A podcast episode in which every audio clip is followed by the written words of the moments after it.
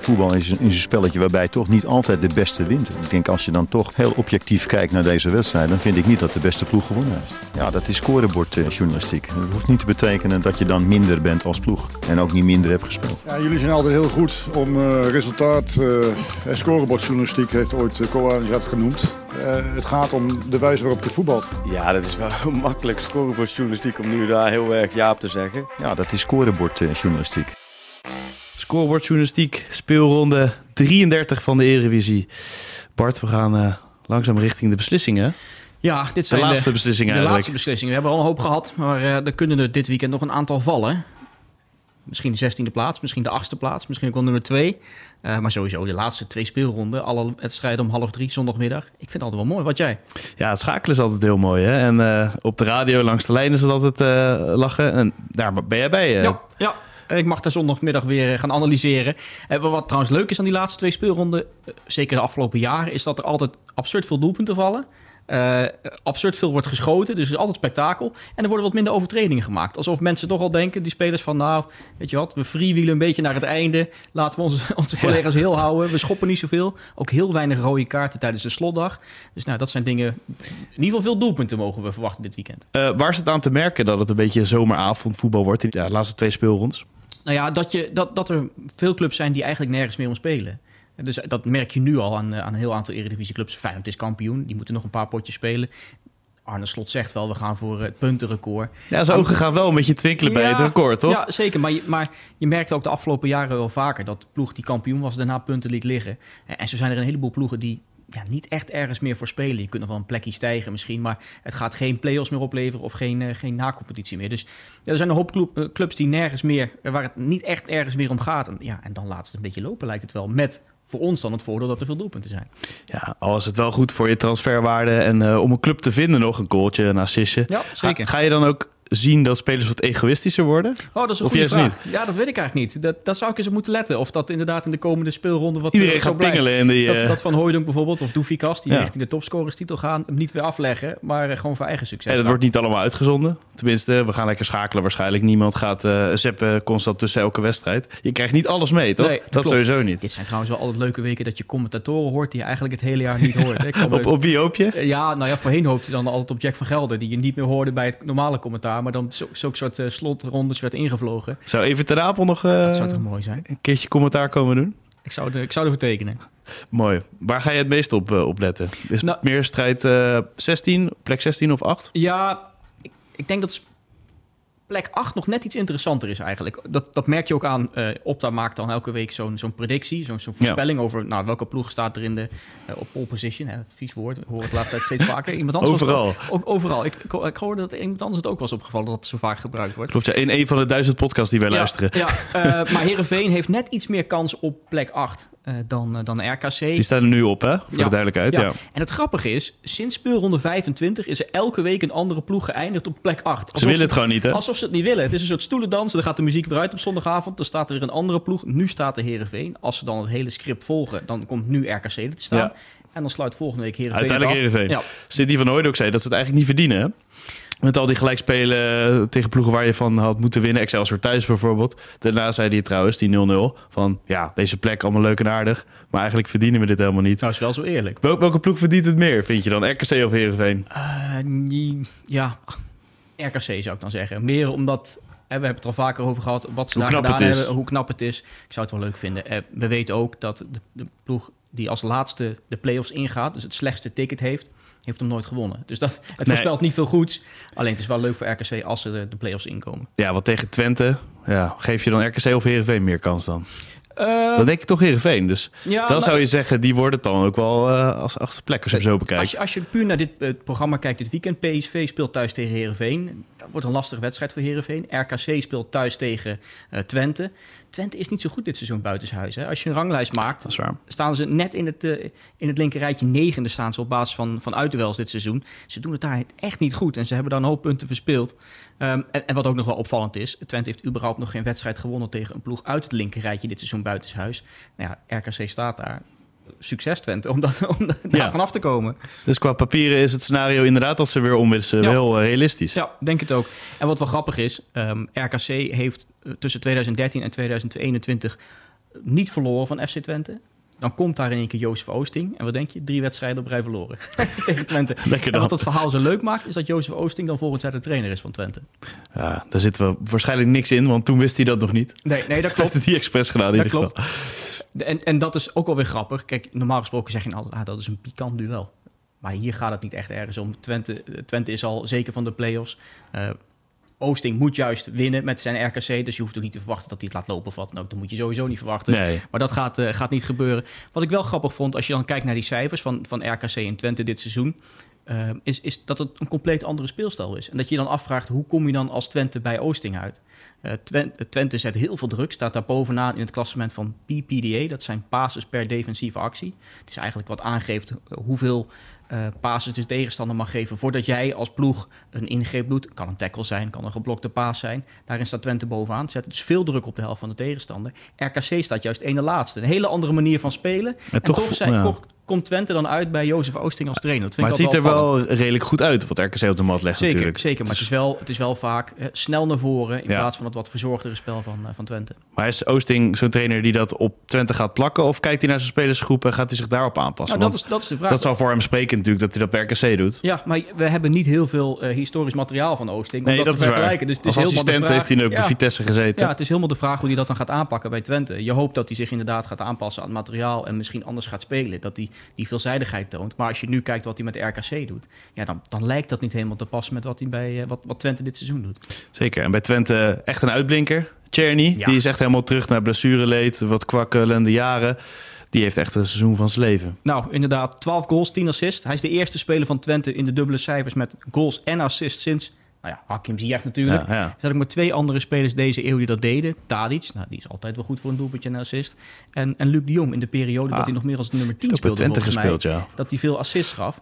Eh, en nou, dat zijn de enige spelers deze eeuw met de dubbele cijfers. Eh, en en Czerny dus ook. Ja, hij speelt zo'n fantastisch seizoen. Hij heeft zijn contract onlangs verlengd bij Twente. Je hoeft ook niet te verwachten dat hij al snel weggaat. Ik Nee. zou het nog mooi vinden als hij gewoon nu nog een jaar weer zo gaat vlammen. En dan, eh, en dan een toptransfer. Niet toe aan de stap nu al? Nou, nee, hij heeft net zijn contract verlengd. Je, je zou nu hopen van, blijf nog een jaar fit. Laat het zien bij, bij Twente. En dan zien we daarna alweer waar je, welke stap je moet maken. Dus deze wedstrijd. Dan eh goaltje Czerny. Goaltje. Eh, en misschien een nipte overwinning voor RKC. Kramer in eigen huis. Let op. Oh, tuurlijk. Die maakt alleen maar Ja. doelpunten dan. Hè? Dan eh, plek 16. Ehm, ja, het wordt natuurlijk wel... Eigenlijk door dat puntje bij Heerenveen wordt het heel lastig eh, voor Emmen. Gek dat zo'n 0-0 en echt een draak van de wedstrijd heel belangrijk kan zijn in die eh, strijd om eh, plek 15 dan. Want st- strijd om plek 16 zeggen we soms, maar dat klopt niet helemaal. Ja, Plek nou ja, 15. Plek 15, daar gaat het om. Plek 16 na competitie. Je zei het al, Excelsior staat nu een puntje voor. Dankzij die remise vorige week bij Heerenveen. Eh ja, Emmen heeft gewoon een gelukje nodig ergens. Dus Ja. ze spelen nu dit weekend tegen, tegen Feyenoord. Daarna uit Ja. bij Utrecht. Die hebben tot en met woensdag gefeest, Feyenoord. Ja. Dus eh, dat, En dat eh, is- scheelt misschien. Dat, eh, wat ik net zei, dat, dat, is wel aardig. Dat, dat het vaak de laatste jaren gebeurde... dat een ploeg die voortijdig kampioen werd... daarna punten liet liggen.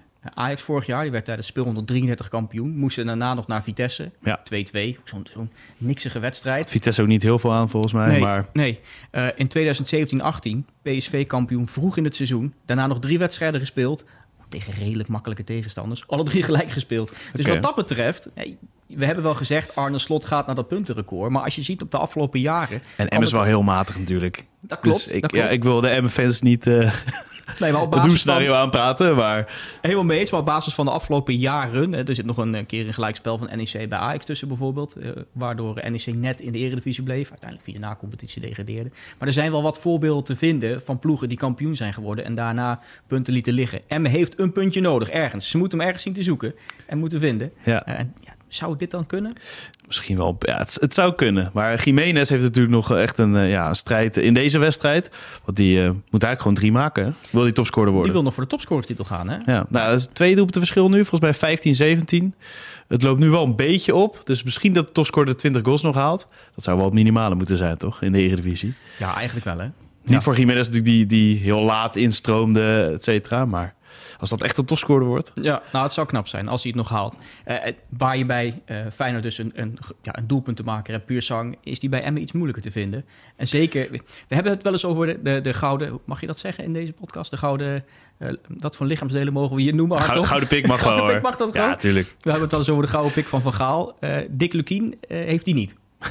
daar, kunnen we, daar kunnen we nu wel... Geen eh, gouden dik. Geen, eh, Nee. geen, het is geen gouden... Gouden dik. Ja. Leuk. Ik dacht, die heb je wel voorbereid. Nee, nee. Oh, oprecht niet. Hij heeft geen gouden dik. En waarom niet? Nou, hij heeft nog geen enkele wissel zien scoren dit seizoen. Dat is er ook Oh, wel dat is- best wel knap. En zeker nu je weet dat je vijf keer mag wisselen. Eh, meer dan 120 keer gewisseld en geen enkel doelpunt van een invaller. Dus constant, zijn spits scoort niet. Hij wisselt en die scoort ook Scoort niet. ook niet. Nee. Ja, moet je dan niet gewoon een centrale verdediger als stormram neerzetten of zo? Ja, je zou het die bijna trant. denken. Ja. À la Virgil van Dijk.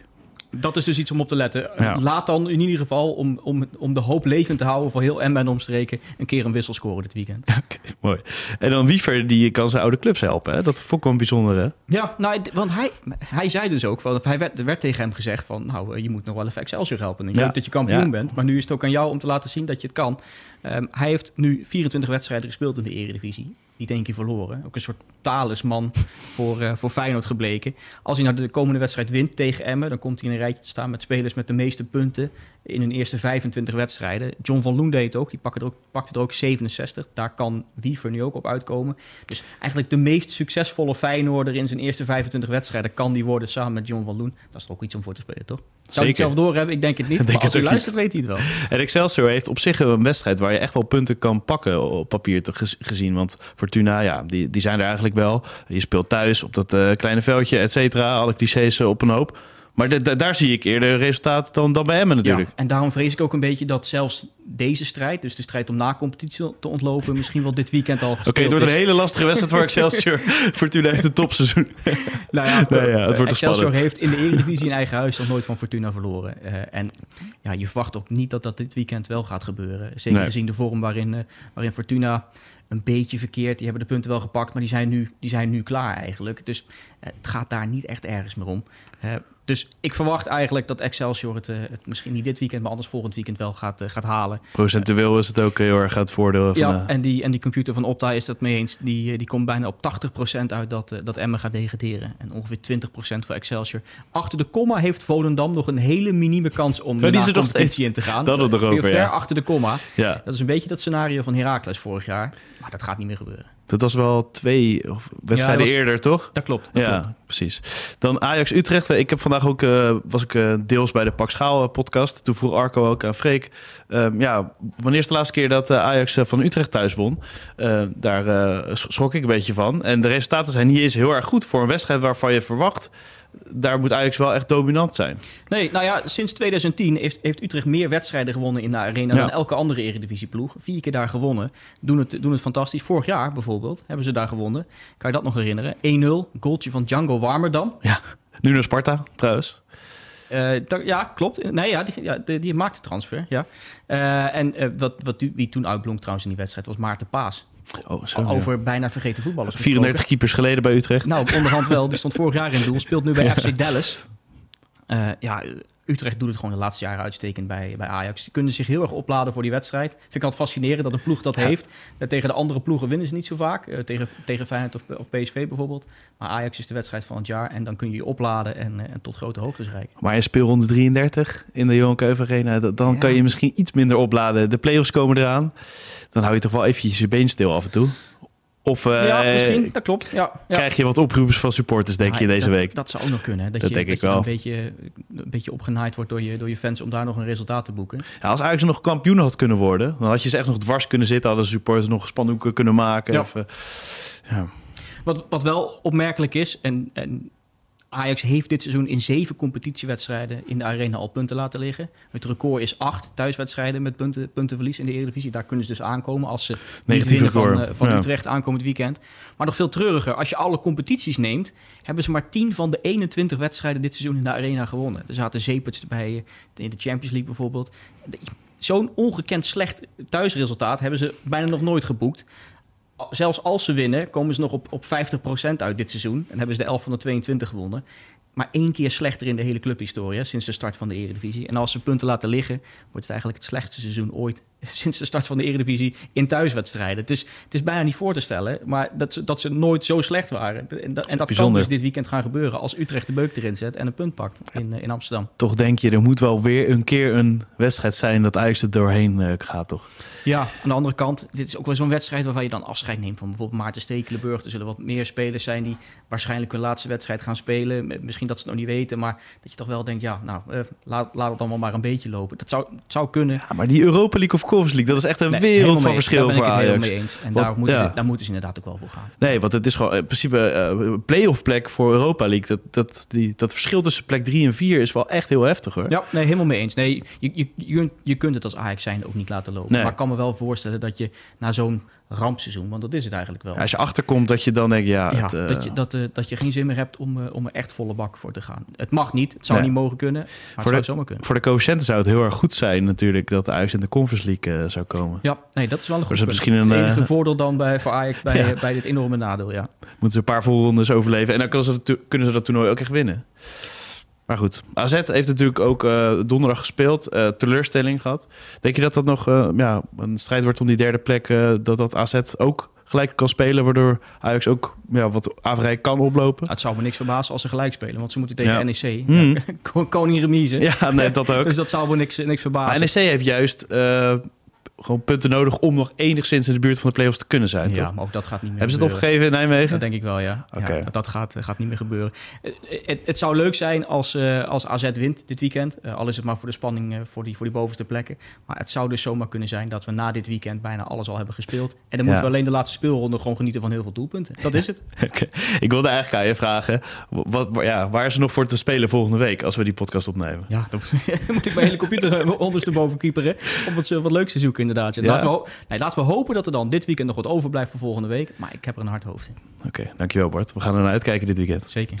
Voetbal is een, is een spelletje waarbij toch niet altijd de beste wint. Ik denk als je dan toch heel objectief kijkt naar deze wedstrijd, dan vind ik niet dat de beste ploeg gewonnen heeft. Ja, dat is scorebordjournalistiek. Dat hoeft niet te betekenen dat je dan minder bent als ploeg en ook niet minder hebt gespeeld. Ja, jullie zijn altijd heel goed om eh, resultaat. eh en scorebordjournalistiek heeft ooit uh, Koanis dat genoemd. Eh, het gaat om de wijze waarop je voetbalt. Ja, dat is wel makkelijk scorebordjournalistiek om nu daar heel erg ja op te zeggen. Ja, dat is scorebordjournalistiek.